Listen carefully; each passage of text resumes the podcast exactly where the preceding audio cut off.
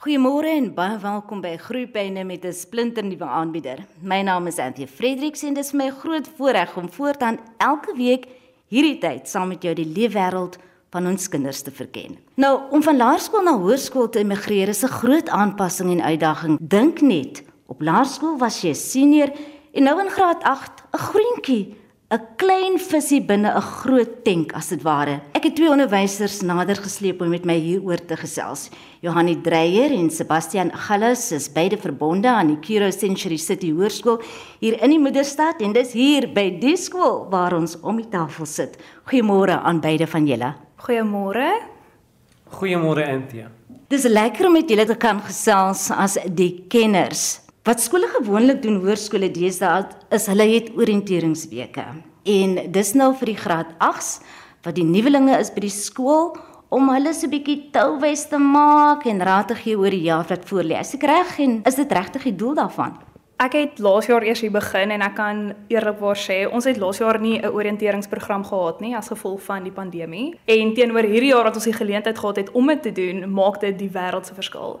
Die kinders is soveel meer gemaklik nie net met mekaar nie, maar met onderwysers, met ouer grade, veral die matriekleerders wat die ehm um, oriëntering meestal gefasiliteer het. En laas jaar was dit daar was 'n groot afsondering tussen graad 8s en die res van die skool wat nou al mekaar ken. Hulle was nie voorgestel aan mekaar by die skool voor al die kinders gekom het nie. Hulle het die onderwysers so goed geken nie. Dit was half 'n jy's nou in die klas, nou moet ons maar mekaar leer ken. En ek dink dit het hulle net meer verwelkom en hulle warmer laat voel by die nuwe omgewing. Ons is bevoorreg om graad 7s te lok van die laerskool reg oor kan die pad en selfs vir hulle is dit aanpassing. So ek dink is 'n ongelooflike ervaring wat hopelik leerders en onderwysers self um aangryp met twee hande. Wat sê jy Sebastian? Ja, Johannes is absoluut reg. Uh, en die, ek is nou toevallig een van die graadhoofde by graad 8 en die uh, oriënteringsprogram of oriënteringssessie wat ons het met ons graad 8s. Ek sal sê twee doele. Nommer 1 is om hulle gemaklik te laat voel want al kom hulle oor die pad soos Johannes gesê het, dis nog steeds 'n nuwe omgewing, so ons vir hulle gemaklik laat voel.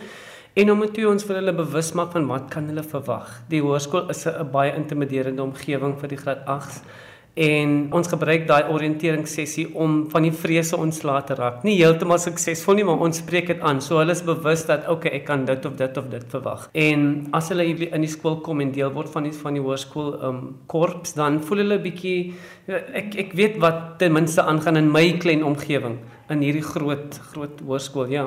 Dis nie net 'n nuwe skoolgebou vir die meeste van die hoërskoolleerders in die graad 8s nie, dis nuwe gesigte, nie net nuwe medeleerders nie, nuwe onderwysers om aangewoon te raak. Hoe maklik pas hulle aan of verskil dit nou maar van kind tot kind? Dit verskil verseker van kind tot kind. Elke kind pas anders aan by omgewing en maak ook makliker of moeiliker oop teenoor ouer mense, onderwysers of selfs ouer kinders.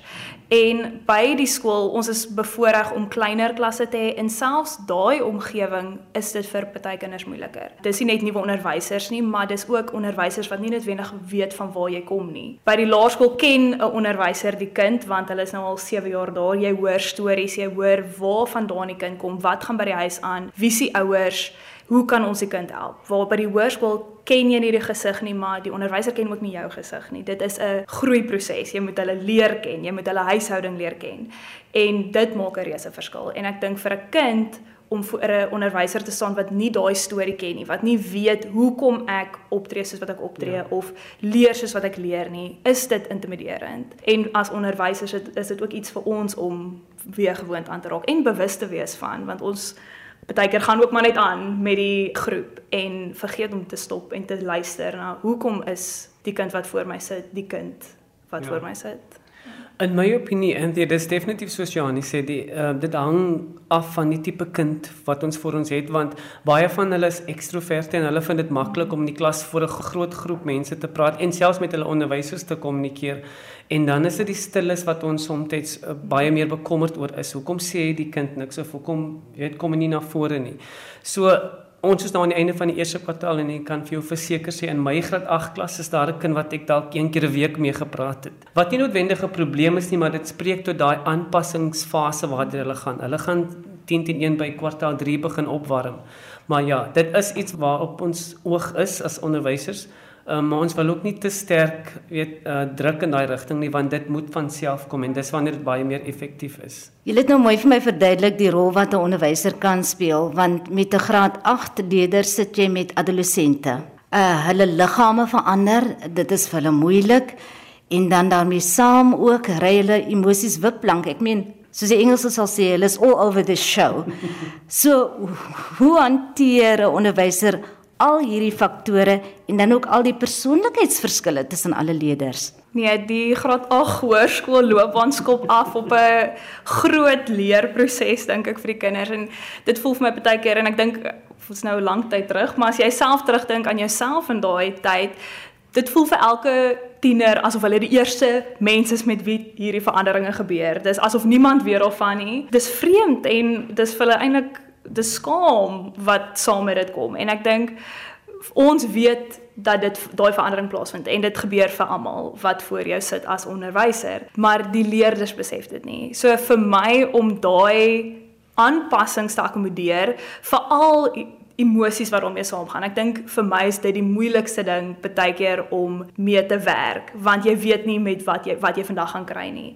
Maar mens moet ruimte gee vir dit. Jy moet ruimte gee vir daai ontwikkeling om plaas te vind en jy moet dit akkommodeer want jy gaan nie ontslaa raak daarvan nie. Dit moet plaasvind en dit moet gebeur sodat hulle in die vervolg in die toekoms as hulle in graad 11, graad 12 is, daai verandering makliker kan aanvaar. So skep ruimte daarvoor en praat daaroor met die leerders want dit is al hoe hulle gaan agterkom maar dit is normaal vir my om so te voel. Dit is normaal vir my emosies om wiplank te ry want sodra hulle dink dit is abnormaal en hulle steek dit weg dit gaan later uitkom. So mens moet dit akkommodeer mens moet werk daarmee mee mens moet dit hanteer en gesels daaroor. Mens moet openlik kan gesels oor dit want dit maak hulle ook net baie meer gemaklik in 'n al klaar baie stresvolle spanningsvolle en ongemaklike situasie Ek sal sê as onderwyser moet jy jouself ook baie keer blootstel want hmm. hulle dink hulle het hierdie persepsie dat onderwysers is soos pa of ma by die huis, hulle is rigied en hulle is baie streng.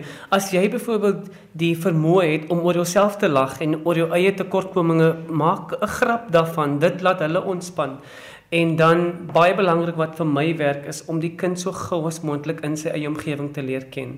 Hoe is Pietie as hy by sy maats is? Hy's 'n grappies of hy's baie ernstig byvoorbeeld. En sodra jy die kind leer ken, sal jy agterkom wat werk, hoe kan jy met hom uh, kommunikeer wat hom gemaklik laat voel? Dat gee die, die geleentheid in die klas self om oor hierdie goed te praat want niemand wil hardop sê wat waarmee hulle deel nie. Dit is 'n soort van iets wat hulle probeer weg van skram. Maar as jy die omgewing skep in die klas, dan help dit om daai proses makliker te fasiliteer en dit begin by kommunikasie. Leer die kinders ken. Op sosiale vlak Dis mos nou 'n nuwe skool soos ek reeds gesê het. So nou moet jy nuwe maatjies maak as jy nou nie geëmigreer het saam met jou maatjies van laerskool af nie. You must find your tribe. En sommige kinders vind dit moeilik. Sommige kinders is meer sosiaal as ander. Jy kry alleenlopers wat sukkel om vriende te maak en dit kan 'n invloed hê op die kind se prestasie en aanpassing by die skool as hulle nie deel word van 'n groepie nie. As hulle nie 'n ondersteuningsbasis het wat vriende betref nie.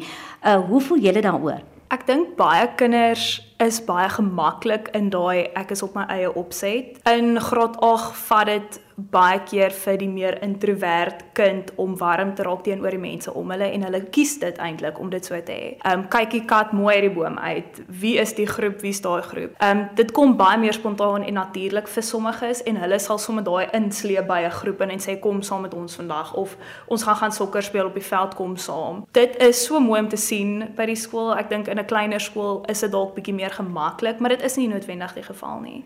Ander kinders vind dit regtig net moeilik. Wil graag maar vind dit moeilik om met mense te kommunikeer. Daai kommunikasie vind dan baie in die klas plaas. Ek probeer in my klas groepsaktiwiteite, ehm um, baartig take, ehm um, net 'n gesprek in die klas dalk of aktiwiteite wat hulle in groepe moet doen om daai kinders dalk blootstelling te gee om dan in 'n veilige omgewing met ander te kommunikeer. Maar ek dink baie is maar gemaklik om bietjie op te warm teenoor ander en dit kom weer terug na daai oriëntasie week. Ek dink vir baie graad 8 spesifiek is daai tyd die tyd wat hulle die kat uit die boom uit kyk en waar pas ek in, waartoe gaan ek? En is 'n kleiner omgewing, dis 'n gemakliker omgewing. So ek voel dat daai kinders sal hulle plek vind sodra hulle bietjie opgewarm het teenoor dit wat hulle voor hulle sien. Die graad 8s by ons skool Anthea is baie ingestel op hulle self. Uh of dis daar ek wil amper sê daar's nie 'n grys area nie of jy's deel van hierdie groep of jy is op jou eie. Ehm um, wat ons probeer doen of wat ons hoop om te bereik as onderwysers is om hulle bewus te maak dat dit hoef nie noodwendig die geval te wees nie van soos Johannes sê, dit is baie gemaklik met dit. Ek verkies om pause alleen te sit of ek verkies om met 'n groot groep mense te wees. As graadhoof is dit een van my verantwoordelikhede om seker te maak dat hulle holisties inpas by die skool en daai uh, vriendskap dinamika is 'n groot ding. Ek gesels baie met hulle one on one en dan probeer ek uitvind is jy regtig okay om alleen te wees of is dit omdat jy voel jy pas nie eers in nie? En as dit die geval is waar hulle sê nee, ek's fine, ek ek hou van mense en speel en goed, maar ek verkies om alleen te wees, dan is dit natuurlik iets wat jy sou laat staan, want as jy dit begin forceer, dan kan dit negatiewe gevolge hê. Maar daar is die gevalle waar dit 'n gevoel van is ek pas nie regtig in nie of ek het probeer en hulle is nie regtig tegemoetkomend nie en dis wanneer 'n ou as 'n as 'n onderwyser of 'n graad of dalk moet bietjie begin gesels net om daai balans weer te herstel. So dit is iets en soos Johannes sê dis 'n aaneenlopende proses. Ons gaan in graad 12 dieselfde gevalle byvoorbeeld nog nog steeds hê. Maar ja, dit is iets wat ons nie regtig daar is nie 'n one-stop solution vir daai tipe ding. Dit is maar monitor, hou dop en probeer soveel as moontlik daai interaksie um fasiliteer waar ons kan. Kom ons praat 'n bietjie oor konflik. Konflik tussen kinders wat sopas as dit ware as 'n groep bymekaar geforseer is. Ja. Jy het mos nou nie 'n keuse nie. Jy beland nou maar met 'n klompie ander graad 8s op die skool in dieselfde klas, op die speelgrond en so meer. Wanneer konflik ontstaan in 'n nuwe opset, wat gebeur dan? Dit gaan weer terug na daai vorige vraag toe van jou vriende. Ek dink in graad 8 het jy hierdie sosiale dinamika, jy het jou vriendekring en soos jy hoor deur hoërskool beweeg, einde matriek, is die kans dat jy nog steeds in daai selfde dinamika gaan funksioneer in dieselfde vriendekringe is eintlik baie skaars. En dit gebeur as gevolg van konflik wat ontstaan. Dit kan konflik wees en ek dink deesdae is sosiale media maar uh, gee maar aanstoot vir die tipe dinge. Ehm um, as onderwysers is ons nie altyd bewus daarvan nie want ons beweeg nie op daai platform nie. En dan eendag hoor jy net weer nee, die bom het nou weer gebars en daai is nou weer kwaad vir daai een. En dit kom baie van daar af, maar op die einde van die dag is dit iets wat half die groep weer uitfilter.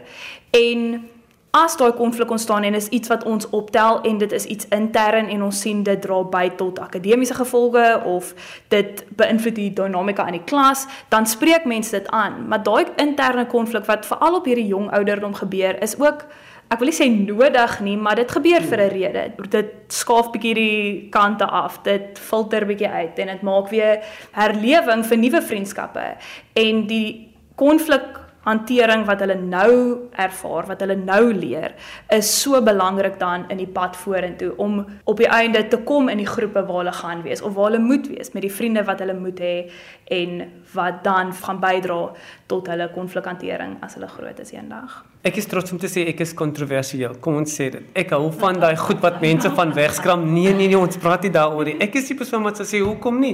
Kom ons sit, kry vir jou koppie koffie dan gesels ons daaroor.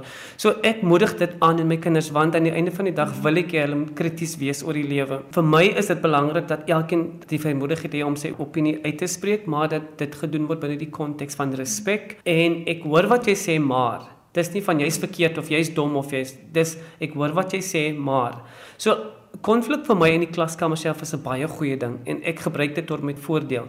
Maar daar is ook die gevalle waar dit buite beheer is en nie noodwendig in 'n klaskamer nie, buite die kom ons sê pouse wanneer daai konflikte ander kleur het en dit is wanneer ons die um, die kindertjies of die graad 8s byvoorbeeld moet leer dat as jy ooit in 'n situasie is waar jy die ontvanger is van sulke tipe konflik dat jy die vrymoedigheid het om daaroor te praat met jou onderwysers of jou graadhoof dat jy nie die slagoffer mentaliteit moet aanneem nie. So ja, my opinie daaroor is konflik is belangrik. Dit het 'n plek in die in die leerproses, maar dit binne die regte konteks. Ek is bly jy noem dit en praat ook dan van wederwysige respek want dit is ook een van die waardes wat skole het. Dat daar respek moet wees, dat daar kommunikasie moet wees, dat ons verskille kan besleg op 'n ordentlike manier en dat dit van leerders verwag word. Word dit by die graad 8's ingeskerp van die begin af dat hier moet daar wederwysige respek wees en jy moet ander 'n opinie gee of toelaat om 'n opinie te hê en dan ook moet jy ander toelaat om anders as jy te wees want ons kan mos nie almal dieselfde wees nie. Ek dink die nuwe generasie het 'n mentaliteit van aanvaarding.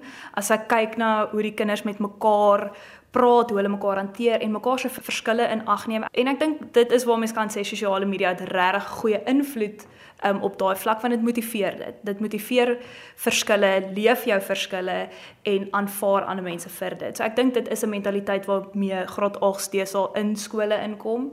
Maar daar is nog 'n vlak van hulle verstaan nie noodwendig hoe om dit te hanteer buite hulle sosiale dinamika nie. En vir my is dit belangrik dat leerders besef dat dit is nie net ook vir hulle eie ouderdom en hulle eie graad van toepassing nie. Mens moet kyk na wat is jou verhouding met jou onderwysers, met jou ouers.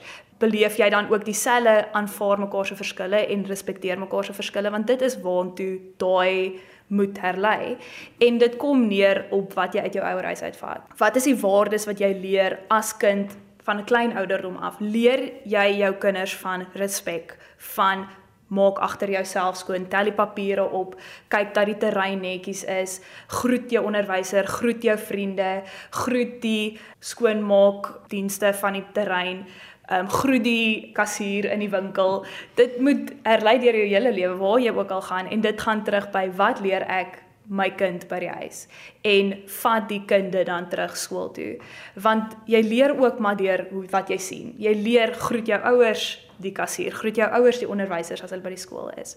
En dit is vir my belangrik. Dit is vir my belangrik dat ouers weet dit is waar die saad geplant word. Sodra hulle by die skool kom, kan ons dit net water gee. Gee die leerders die water en die sonlig en die nodige om net daai saadjie verder te vat en te laat floreer teen die tyd wat hulle klaar is by die hoërskool. In graad 8 uh en dit vir my is dit belangrik dat hulle weet jy moet jou eie opinie hê en jy moet staan daarbey maar jy kan ook daai opinie kan ook verander soos hoe meer jy na mense luister kan daai opinie ook verander en dit moet want ons moet groei. Die manier hoe jy met mense kommunikeer en hoe jy luister en hoe jy reageer is wat daai groeiproses veroorsaak. In my klas byvoorbeeld as ons um, mondeling doen, Dis natuurlik 'n akademiese komponent waarvoor hulle punte kry, maar dis ook 'n leerproses. So ek vra gewoonlik vir die klas as 'n kind nou klaar sy mondeling gedoen het, okay, wat was nou goed van Pietie se presentation? Dan moet hulle nou sê ek het ou gehou van dit of dit. En dan moet iemand nou sê maar wat sou jy nou anders gedoen het byvoorbeeld? So daar is 'n plek vir hierdie verskille om om na vore te kom, maar omdat hulle so jonk is, kan hulle dit baie gou in 'n negatiewe lig vat. So ag nee, hulle hou nie van my nie of ek is te wat ook al. Ons moet seker maak dat wat binne in jou is jou eie opinie dat dit nie so broos is dat dit vir ewig afgekraak word deur wat ander mense sê nie. So dit is maar bietjie karakterbou, dis selfvertroue bou, dis 'n bietjie van alles. Jy luister na Groepyne op RSG. Vandag kuier ek by Kiro Century City Hoërskool. Ek gesels met twee opvoeders en ons gesels oor graad 8 wanneer hulle van die laerskool na die hoërskool oorskakel en die aanpassing wat daarmee gepaard gaan. My twee gaste is Johanie Dreyer en Sebastian Gallas en uh, Ons het nou baie gepraat oor emosies, ons het baie gepraat nou oor die aanpassing op sosiale vlak. Kom ons beweeg na die klaskamer en die akademiese vlak. Want op hoërskool is die werk anders en die werklading is meer. So hoe berei jy mense die kinders voor want hulle vrees natuurlik dis intimiderend um, wat gemaak in hierdie eerste kwartaal.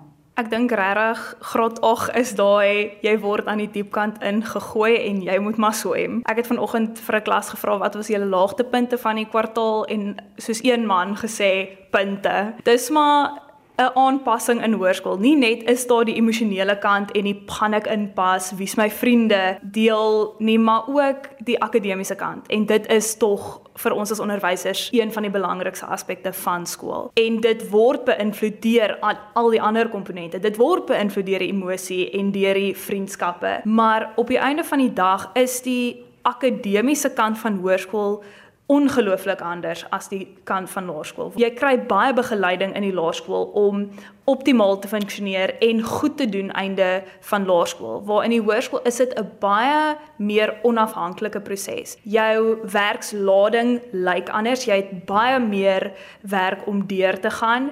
Die notas neem. Ek laat my kinders altyd notas neem. Dit is self 'n nuwe skill wat hulle moet aanleer. So nie net lyk like die werkslading anders nie, maar die manier hoe jy leer lyk like anders. So as jy nou moet toetsvoorbereiding doen of take doen, die manier hoe jy dit gaan aanpak lyk like ook anders. So dis net 'n heeltemal 'n nuwe ervaring en dit maak dit moeilik om dan sê net maar daai eerste kwartaal dieselfde punte te kry of dieselfde uitslae te kry as jou laaste kwartaal van graad 7. So daai eerste rapport is altyd bietjie van 'n skok, maar dis 'n nodige skok. Dis 'n skok wat jou stuur in 'n rigting van, okay, dit is waarop ek moet fokus, waarna ek moet aandag gee. Dit is wat ek kan verander. Hoe gaan ek leer? Hoe watse nuwe tegnieke kan ek toepas? En op die einde van die dag is dit 'n baie opwindende ervaring want dis ervaring wat jou nie nou voorberei vir jou tweede kwartaal se eksamen of jou derde kwartaal se toets nie maar dit berei jou voor vir graad 9 dit berei jou voor vir graad 10 graad 11 en dit berei jou ook voor vir jou eindeksamen in matriek want hoe jy nou leer en hoe jy nou dinge doen jy skaaf en jy werk daarin jy verander dit om teen einde matriek 'n strategie te kry wat vir jou werk en wat vir jou lekker is want op die einde van die dag is dit waartoe ons almal streef en dit is sodat die kinders dit sal geniet om te leer en om in die klas te wees en om huis toe te gaan en hulle boeke oop te maak. Ons werk nog hard daaraan, maar ons kom daar. Vir my is dit belangrik dat die ouers bewus is dat hierdie ontnigteringsproses gaan gebeur want die eerste interaksie waar dit met uh, punte te doen het is natuurlik met die ouer wat sê maar my kind het nog nooit minder as 70% vir wiskunde gekry nie. Wat gaan aan? Dan moet ons hierdie tipe gesprekke hê om te sê dat daar is 'n 100 klein duiweltjies wat in hierdie klein bootjie inspring en dan die die boot so bietjie skud. So ons moet hulle leer van um aanpassing met die in terme van die werkslading. En hoe doen 'n mens dit met 'n graad 8 wat nou nog bekommerd is oor die haarstyl en het ek data op my foon en het ek die regte foto opgelaai gistermiddag? Dis moeilik.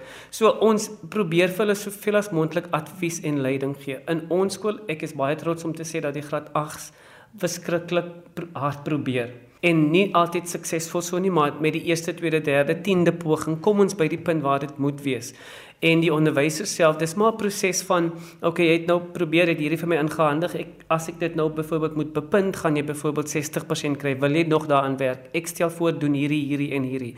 So ons is baie sterk gefokus dat die leerproses die akademiese proses nie 'n eenmalige ding is nie. As jy ding een keer probeer het en jy doen nie soos wat jy verwag het nie is daar geleentheid om te verbeter.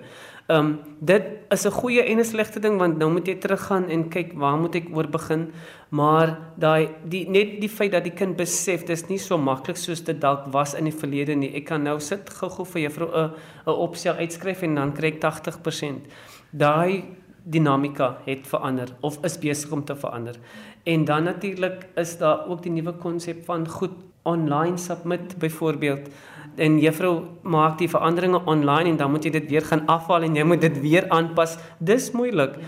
En vir ons ouers self is dit ook moeilik want ons in die klas as die onderwyser het het die het die breë prentjie, maar mamma by die huis moet nou sit met wiskunde, LO, tegnologie, eh, sosiale wetenskap. Dis moeilik. So my advies dan aan ouer en kind oor die algemeen is praat soveel as wat jy kan al moet jy vir jou elke dag dieselfde ding vra. As jy stil bly, gaan jy daai antwoord wat dalk verkeerd is in jou kop hê en jy gaan daarmee beweeg en dit is dalk in die verkeerde rigting. En uh, so gesel Sebastian Agalla saam met hom Johanni Dreyer twee opvoeders by Curo Century City Hoërskool. Baie dankie vir ons gesprek vanoggend, die insigte wat julle gelewer het. Ek beny die kinders by die skool dat hulle sulke opvoeders het wat werklik die belange van die kinders op die hart dra en weet waaroor dit gaan dat ons die volwassenes van môre vorm en dat dit eintlik 'n groot verantwoordelikheid is wat ons nie moet ligtelik opneem nie. Ek kan sien dit doen julle ook. Baie baie dankie. Baie dankie Anthea en luisteraars. Baie dankie Anthea en jy's baie welkom. Ons het baie lekker gesels hier by die Century City Hoërskool in Kaapstad, pragtige gebou.